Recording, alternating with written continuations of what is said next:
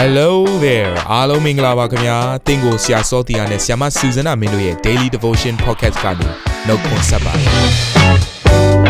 ဆရာနဲ့ဆရာမတို့ရဲ့အသက်တာမှာဘုရားရှင်ပြုတဲ့ကောင်းကြီးမင်္ဂလာများစွာရှိပါတယ်။အဲ့ဒီအထက်ကပြန်လဲစီးဆင်းတဲ့နှုတ်ကပတ်တော်ကိုဒီနေ့မှနားထောင်ပြီးခွန်အားယူကြမှာဖြစ်ပါတယ်။နေ့စဉ်10မိနစ်လောက်အချိန်ပေးပြီးမိမိရဲ့အသက်တာကိုကောင်းကြီးဖြစ်စေမယ့်ဘုရားသခင်ရဲ့နှုတ်ကပတ်တော်နဲ့နီးလန်းတွေကိုအတူတကွခံယူကြရအောင်ခင်ဗျာ။ ချရမိသားစုတွေများအားလုံးကို Merry Christmas လို့နှုတ်ခွန်းဆက်လိုက်ပါတယ်။မကြခင်မှာ2021ကနေပြီးတော့2022ကိုကူးပြောင်းမဲ့အချိန်ကာလရောက်နေပါပြီ။ဒါကြောင့်မလို့ဒီနှစ်ဟောင်းထဲမှာအသက်တာအဟောင်းနဲ့အသက်ရှင်နေတဲ့သူများအသက်တာအသက်နဲ့အသက်ရှင်နိုင်ဖို့ရန်အတွက်ဝိညာဉ်ရေးရအသက်တာထဲမှာကြီးထွားရင့်ကျက်တဲ့အသက်တာဖြစ်စေဖို့ရန်အတွက်နှုတ်ကပတ်တော်အားဖြင့်အရောက်ချင်းစံကိုကျွန်မတိဆောက်ပေးလိုပါတယ်။ဒီတစ်ပတ်တာလုံးမှာကျွန်မတို့ဟေပြဲဩဝါဒစာဆောင်ထဲမှာရှိတဲ့အရေးကြီးတဲ့နှုတ်ကပတ်တော်ကိုကျမတို့လေ့လာကြမှာဖြစ်တယ်။ရှင်ပေါလုကနေပြီးတော့ဟေပြဲလူမျိုးတွေတနည်းအားဖြင့်ဂျူးလူမျိုးတွေကိုတတိပေးထားတဲ့စကား12ချက်ရှိပါတယ်။ဒါကြောင့်မလို့ဒီ12ချက်ကိုလေ့လာပြီးတော့ကျမတို့ရဲ့အသက်တာထဲမှာတိဆောက်ဖို့ရန်အတွက်ဖြစ်တယ်။အဲဒီတော့ဒီနေ့နှုတ်ကပတ်တော်ရဲ့ခေါင်းစဉ်ကလှုပ်ဆောင်ကြကုန်အံအင်္ဂလိပ်လိုဆိုရင် let us အဲ့တော့အဲ့အတိတ်ပဲက တစုံတယောက်တူးတဲ့ကပဲအရှိကိုတိုးတက်နေတဲ့အရာကိုရည်ညွှန်းထားခြင်းမဟုတ်ပဲနဲ့ယုံကြည်သူတွေအားလုံးအတူတကွမိသားစုလိုက်အသင်းတော်လိုက်နိုင်ငံလိုက်အရှိကိုချီထက်ကြဖို့ရန်အတွက်ဝိညာဉ်ပိုင်းဆိုင်ရာမှာတိုးတက်ကြဖို့ရန်အတွက် နှိုးဆော်ထားတဲ့စကားဖြစ်ပါတယ်။ဒါကြောင့်မလို့ဒီနေ့နှုတ်ကပတ်တော်ကိုအတူတကွလေ့လာကြရအောင်လှုပ်ဆောင်ကြကုန်အန်ဆိုတဲ့ခေါင်းစဉ်အောက်ကနေပြီးတော့ပထမဦးဆုံးလေ့လာမယ့်အရာကတော့ဝိညာဉ်ရေးရာအတွက်စိုးရိမ်ကြကုန်အန်ဆိုတဲ့ခေါင်းစဉ်ဖြစ်ပါတယ်။အဲ့တော့ဒီကျမ်းချက်ကလေးကိုကျွန်မဖတ်ချင်တယ်။ဟေဘရဲဩဝါဒစာအခန်းကြီး၄အခန်းငယ်၁ထို့ကြောင့်ဘုရားသခင်၏ချမ်းသာတဲ့သို့ဝင်ရသောအခွင့်ကိုပေးသောဂတိတော်သည်ငါတို့၌ ရှိလျက်နှင့်တင်တို့တွင်အချို့တို့သည်မမိဘဲနေမိကိုစိုးရိမ်ကြကုန်အံ့အဲ့တော့ဒီနေရာမှာစိုးရိမ်ကြကုန်အံ့လို့တွေ့ရပါတယ်အဲ့တော့ကျမတို့တမန်ကျမ်းစာကိုကြည့်လိုက်တဲ့အခါမှာမစိုးရိမ်နှင့်လို့ပြောထားတဲ့အရာက360နဲ့5ချက်ရှိနေပါတယ် အဲ့တော့အဲ့ဒီမစိုးရိမ်နဲ့လို့ပြောတဲ့အရာကကာယပိုင်းဆိုင်ရာမှာအဘယ်ကဲ့သို့စားတော့ရမလဲအဘယ်ကဲ့သို့ဝတ်ရမလဲဆိုတဲ့အရာကိုမစိုးရိမ်ခိုင်းတာဖြစ်ပြီးတော့ဒီနေ့စိုးရိမ်ခိုင်းတဲ့အရာကတော့ဘယ်အတွက်စိုးရိမ်ခိုင်းတာလဲဆိုရင်ဝိညာဉ်ပိုင်းဆိုင်ရာမှာနောက်ကောက်ကြကြံပြီးတော့အသက်တာထဲမှာမကြီးထွားမဲ့အရာအတွက်စိုးရိမ်ပါလို့ပြောနေခြင်းဖြစ်တယ်ဒီနေ့ဘုရားသခင်ပြင်ဆင်ထားတဲ့နော်အယက်ဆိုတာရှိတယ်ညင်ဝတ်ချမ်းသာခြင်းဆိုတဲ့အယက်ဆိုတာရှိတယ်ဒါကြောင့်မလို့ကျမတို့ရဲ့အသက်တာထဲမှာဘုရားသခင်ပေးတဲ့ညင်ဝတ်ချမ်းသာခြင်းနဲ့ပြည့်စုံတဲ့အသက်တာဖြစ်ဖို့ရန်အတွက်တနည်းအားဖြင့်ဝိညာဉ်ပိုင်းဆိုင်ရာမှာကြီးထွားရင့်ကျက်တဲ့အသက်တာတွေဖြစ်ဖို့ရန်အတွက်ပြင်ဆင်ကြပါထိုအရာအတွက်အာယုံပြုကြပါစိုးရိမ်ကြပါနောက်ကောက်ကြကြံတဲ့သူတွေမဖြစ်ဖို့ရန်အတွက်ထိုအမှုရာအတွက်စိုးရိမ်ကြပါလို့ပြောနေခြင်းဖြစ်တယ်ဒါကြောင့်မလို့ဒီနေ့ယုံကြည်သူများ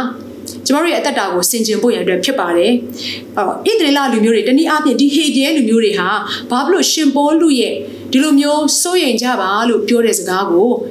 ကြားခဲ့ရတယ်သင်ခဲ့ရတယ်သိလားဟေဘရဲလူမျိုးတွေမှာထူးခြားတဲ့အချက်၃ချက်ရှိပထမတစ်ချက်ကဘာလဲဆိုရင်သူတို့ဟာတခြားယုံကြည်သူတွေနဲ့မတူတဲ့ဖျားသခင်ဘသူဖြစ်တယ်လဲဆိုတာသိကြတယ်ရုပ်တုစင်တူကိုမကိုးကွယ်ကြအောင် အဲ့တော့ပြောမယ်ဆိုရင်ကျမတို့ကောရိန္သုမြို့မှာရှိတဲ့သူတွေယောမမြို့မှာရှိတဲ့သူတွေနဲ့သူတို့ကမတူဘူးသူတို့တွေဟာနှုတ်ကပတ်တော်ကိုเนาะအရင်သိတော်သူတွေဖြစ်တယ်ဖျားသခင်ကိုအရင်သိတော်သူတွေဖြစ်တယ်ရုပ်တုစင်တူမကိုးကွယ်ကြဘူးဒုတိယတစ်ချက်ကတော့တမန်ကျမ်းစာထဲမှာရှိတဲ့ကျမ်းငါးကျမ်းကိုသူတို့ဟာပိုင်နန်စွာသိတော်သူတွေဖြစ်တဲ့အပြင်စာလံကျမ်းတုတ်တန်ကျမ်းနဲ့အနာဂတ်ကျမ်းအားလုံးကိုလည်းယဉ်ဤတော်သူတွေဖြစ်ပါတယ်ဒီအပြင်ကျမ်းစာရဲ့သမိုင်းကိုလည်း တိကျစွာတိကျတဲ့သူတွေလည်းဖြစ်ပါတယ်เนาะဒါကြောင့်မို့အခြားယုံကြည်သူတွေနဲ့မတူဘူးလို့ပြောနေခြင်းမှာနောက်တတိယအချက်ကဘာလဲဆိုလို့ရှိရင်သူတို့တွေဟာမိရှုရာရဲ့ပူဇော်ခြင်းတဲတော်မှအစဗိမ္မာန်တော်ကိုးကွယ်ခြင်းနဲ့ဆိုင်တဲ့အရာအလုံးကိုလည်းအခြားသောယုံကြည်သူတွေနဲ့မတူပဲတိကျတဲ့သူတွေဖြစ်ပါတယ်ဒါကြောင့်မလို့သူတို့အသက်တာထဲမှာเนาะ ဘာဖြစ်လာလဲဆိုရင်ကိုတိတဲ့အရာကိုတက်တဲ့အရာကိုကြားဘူးခဲ့တဲ့အရာအပေါ်မှာဟုတ်လာပြီးချင်ပြီးတော့ဒါသိရေးကြည့်ရနော်ဝိညာဉ်ပိုင်းဆိုင်ရာမှာမာနတက်လာပြီးတော့ဆက်ပြီးတော့ဖရာသခင်ပြောတဲ့အရာဖရာသခင်တုံသင်ပေးတဲ့အရာကိုလက်မခံနိုင်ပဲနှလုံးသားတွေကခိုင်မာလာကြတယ်အဲ့ဒီအချိန်မှာမိယိုးဖလားလို့ခေါ်တဲ့เนาะထုံတန်းစင်လာเนาะသူတို့ရဲ့ဘာသာရေးထဲမှာပိတ်မိနေပြီးတော့အသက်တာထဲမှာကြာဆင်းလာကြတယ်ဒါကြောင့်ရှင်ဘောလူကဘာပြောလဲစိုးရိမ်လိုက်ပါတယ် ဘာအတွက်စိုးရင်ခိုင်းတာလဲ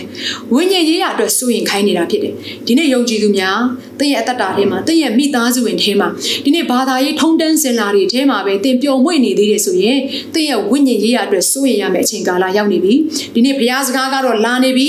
စိုးရင်ပါဘာအတွက်လဲငါရဲ့ဝိညာဉ်ရေးရအတွက်ငါရဲ့မိသားစုရဲ့ဝိညာဉ်ရေးရအတွက်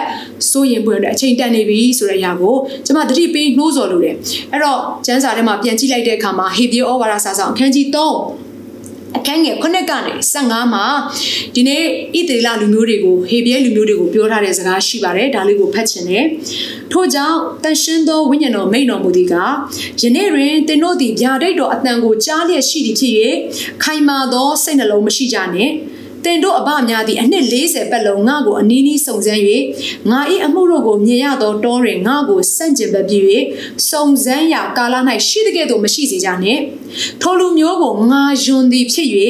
သူတို့သည်အစင်စိတ်တဘောမှားယွင်းတတ်ကြ၏ငါ၏အလေးအလာတို့ကိုနားမလည်ကြဟုငါဆိုရ၏ထို့ကြောင့်သူတို့သည်ငါ၏ချမ်းသာတဲ့သို့မဝင်ရကြဟုအမျက်ထက်၍ငါကြိမ်ဆိုသည်ဟုမိန့်တော်မူချက်ရှိသည်နှင့်အညီညီကိုတို့တင်တို့သည်အသက်ရှင်တော်မူသောဘုရားသခင်ထံတော်မှထွက်သွားသောအပြင်မယုံကြည်တတ်စိုးညစ်သောစိတ်နှလုံးမရှိစေခြင်းကတတိပြုကြလော့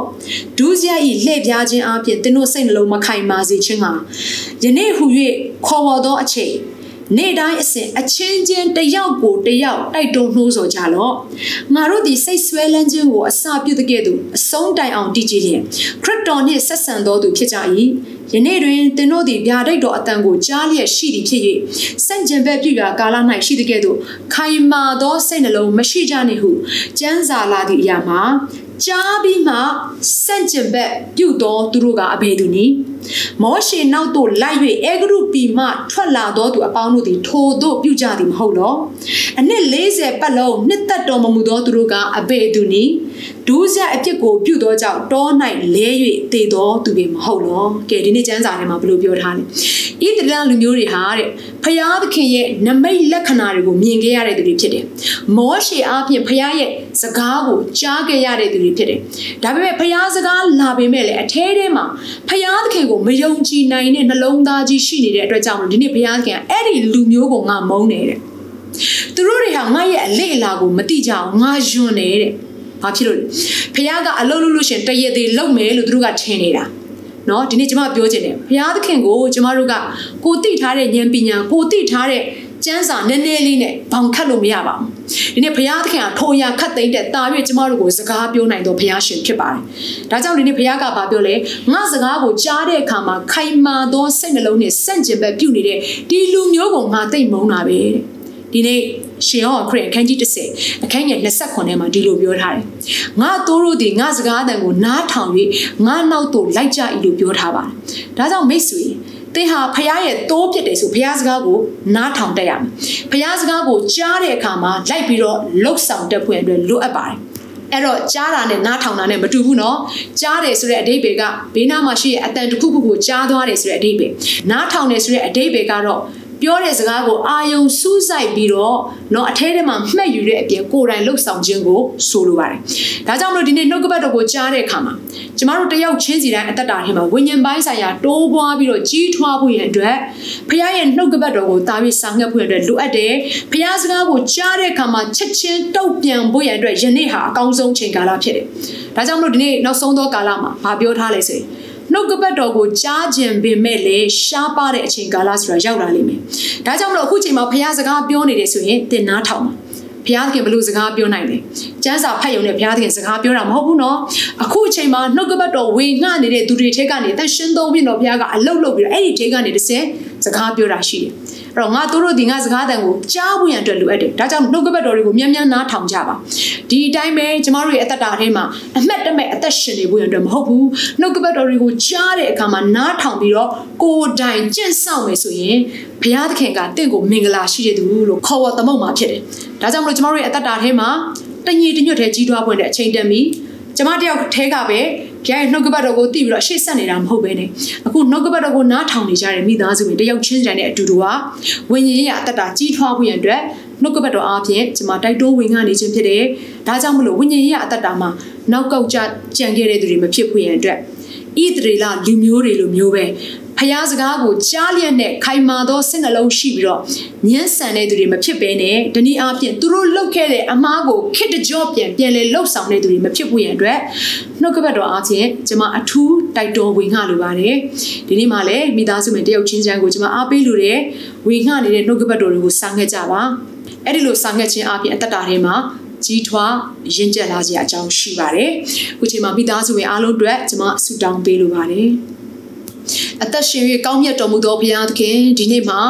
ကိုရောသားသမီးတယောက်ချင်းစီတိုင်းအတွက်အထူးသတိရဆုတောင်းပါတယ်သူတို့ရဲ့အသက်တာထဲမှာဝိညာဉ်ပိုင်းဆိုင်ရာမှာနောက်ကောက်ကြကြံခဲ့သောသူများမဟုတ်ဘဲနဲ့တဆင်ပြီးတဆင်ကြီးထွားသောသူများဖြစ်စေဖို့ရန်အတွက်လက်တော်ထဲမှာစက္ကဲအနံပါတယ်တန်ရှင်သောဝိညာဉ်တော်ဘုရားသူတို့ကိုအထူးသဖြင့်စကားပြောပါသူတို့ရဲ့ဝိညာဉ်ရေးအသက်တာထဲမှာလိုအပ်နေတဲ့အရာအားလုံးကိုကိုရောကိုယ်တိုင်တွင်တင်ပေးတော်မူပါ။အိုးလောကနဲ့ဆိုင်တဲ့အရာလောကီရေးရာတွေအတွက်သူတို့တွေဟာစိုးရင်သောသူတွေမဟုတ်ဘဲနဲ့သူတို့ရဲ့ဝိညာဉ်ရေးရာအတွက်သာစိုးရင်သောသူများဖြစ်စီပါဘုရားသခင်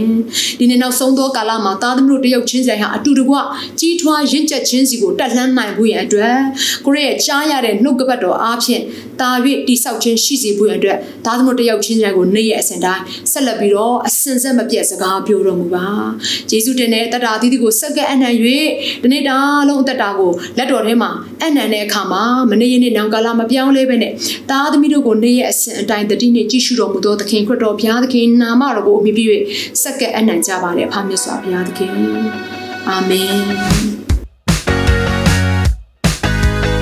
နာတော်တာစင်သူတိုင်းရဲ့အသက်တာမှာကောင်းကြီးဖြစ်မယ်ဆိုတာကိုကျွန်တော်ယုံကြည်ပါတယ်။သင်ရဲ့အသက်တာအတွက်များစွာသော resource တွေနဲ့ update တွေကို Facebook နဲ့ YouTube platform တွေမှာလည်းကျွန်တော်တို့ပြင်ဆင်ထားပါတယ်။ Facebook နဲ့ YouTube တွေမှာဆိုရင် search box ထဲမှာ Susanna မင်းလို့ရိုက်ထည့်လိုက်တဲ့အခါ အပြရန်အမှန်ချစ်ထားတဲ့ Facebook page နဲ့ YouTube channel ကိုတွေ့ရှိမှာဖြစ်ပါတယ်။နှုတ်ကပတ်တော်တွေကိုဗီဒီယိုအားဖြင့်လည်းခွန်အားယူနိုင်ဖို့ရန်အတွက်အဆင်သင့်ပြင်ဆင်ထားပါတယ်။ကျွန်တော်တို့ဝิญဉ်ရေးရာအတွက်အထူးလိုအပ်တဲ့ဖွင့်ပြခြင်းတွေနဲ့ခွန်အားတွေကိုရယူလိုက်ပါ။နောက်ရက်များမှာပြန်ဆုံတွေ့ကြရအောင်ခင်ဗျာ။အားလုံးကိုနှုတ်ဆက်ပါတယ်